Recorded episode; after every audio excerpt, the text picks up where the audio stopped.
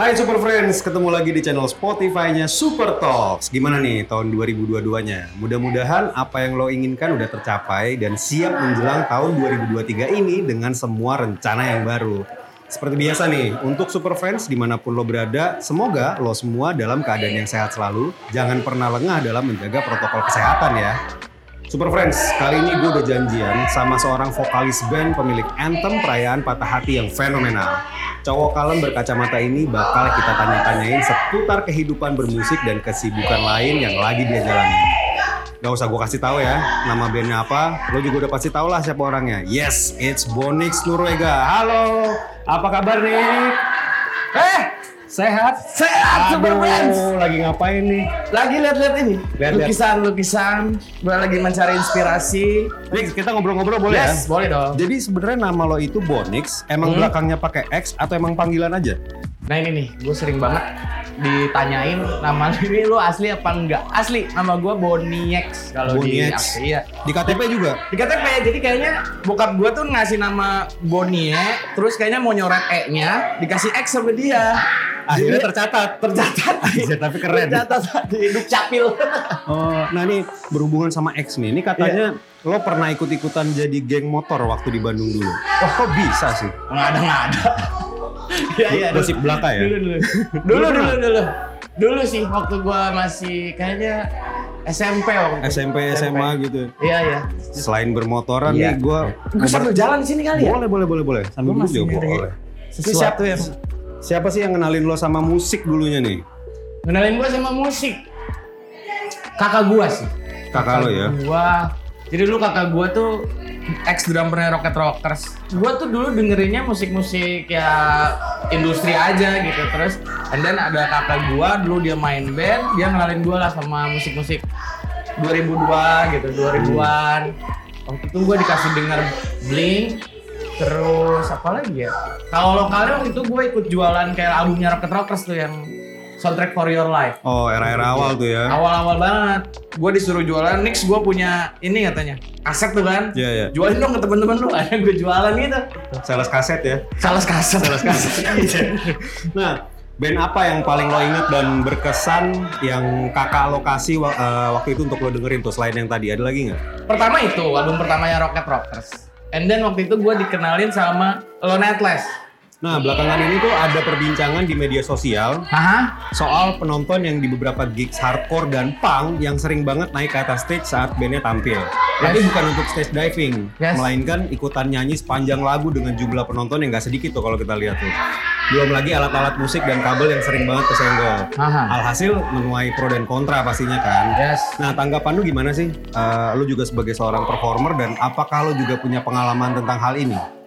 Kalau gua selama si performernya tidak bermasalah dengan itu, ya aman-aman aja sih, sok aja, aja ya. gas aja sih. Betul betul betul. betul. Lu sebagai anak band juga nih. Nah, Apa pengalaman menarik secara personal yang selama lo di For Revenge itu ada nggak? eh yang paling gua ingat banget sih ketika kakak gua nonton dia ada paling depan dan nyanyi biasanya kan kalau gua lihat ada yang nonton gua nangis nah ini yang bikin gua nangis karena Kebalik ya, kebalik. karena, kakak lo itu kakak ya. gua gitu Seru banget main main gitu. Oke, Yes. jadi kita ngomongin eh, tentang lagunya For Revenge. yes sambil jalan ya Sambil jalan boleh. Ceritain dong soal lagu Perayaan Patah Hati. Siapa yang bikin lirik sedalam itu? Terus ide konsep puisinya tuh datang dari mana sih? perayaan patah hati itu dari dari dari gua sebenarnya jadi waktu itu tuh lagi pandemi yang varian alpha apa terus kita punya satu materi eh, ada satu part gitu panjang banget Hmm? gue nggak bisa ngisinya kayak anjir di siapa ya di siapa ya gitu kan Iya. akhirnya gue nggak sengaja scroll Instagram ketemulah Wiranegara Wira Negara, ya ya. ya. yes terus gue kontak dia Wir mau nggak kolaborasi gitu gitu terus ya tapi ngobrol dulu deh nah di obrolan itulah kayak ngobrol ngomongin tema terus akhirnya kayak ada satu satu apa ya satu kesepakatan atau benang merah antara kita berdua Hmm? gimana kalau kita merayakan patah hati gitu Merayakan patah hati. Yes, jadi kayak maknanya menurut gua kayak ya udah karena kan orang patah hati biasanya menyendiri gitu terus Yap. menjauh dari orang-orang gitu itu justru yang malah bahaya kan. That's why harusnya ketika lu patah hati rayakan bareng-bareng gitu ketika lu bisa lupain patah hati lu lu bisa luapin apa yang lu rasain gitu gitu sih Sangat. kita jalan lagi Tema lagu yang nyampe banget ke audiens tuh dibuat berdasarkan pengalaman yang benar-benar dirasain sama penciptanya. Berarti lo mengalami ya patah hati beneran yang sedalam itu. ya jadi ya ya apa yang gua tulis tuh apa yang gua rasain gitu Hmm, jadi ya gua mengalami patah hati sedalam itu. sedalam itu hati terhebat that's why sebenarnya itu juga alasan yang kenapa gua akhirnya balik ke For Events jadi kan gua sempet vakum Lumayan lama ya? lima tahun lah lima tahun Oke ada oke.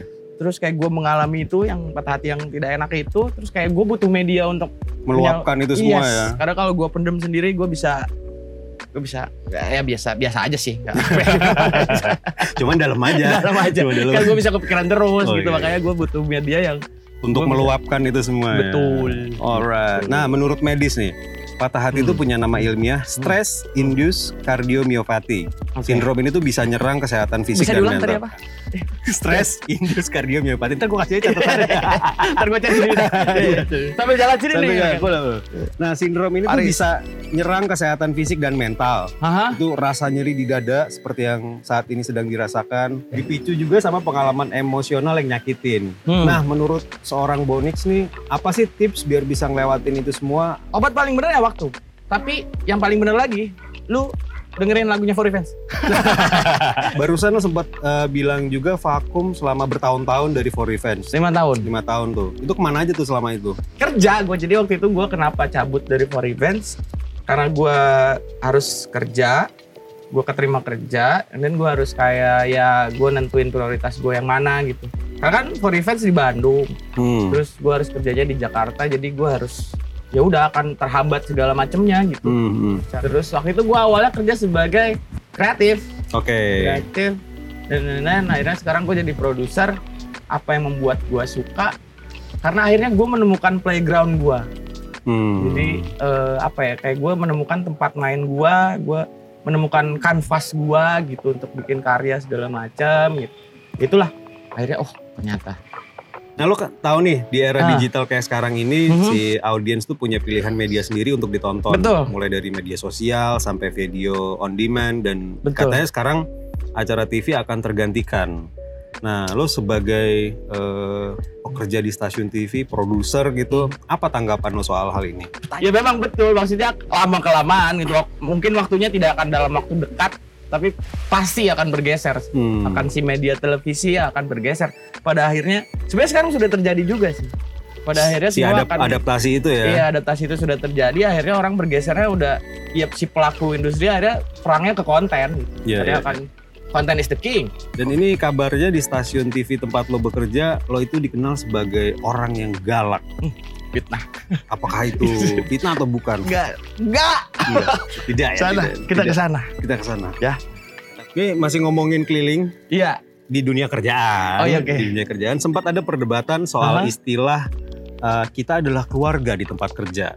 Yang mana menurut uh, banyak netizen istilah itu tuh cuma akal-akalan dari atasan aja gitu biar kita bisa diajak kerja rodi atau overtime gitu.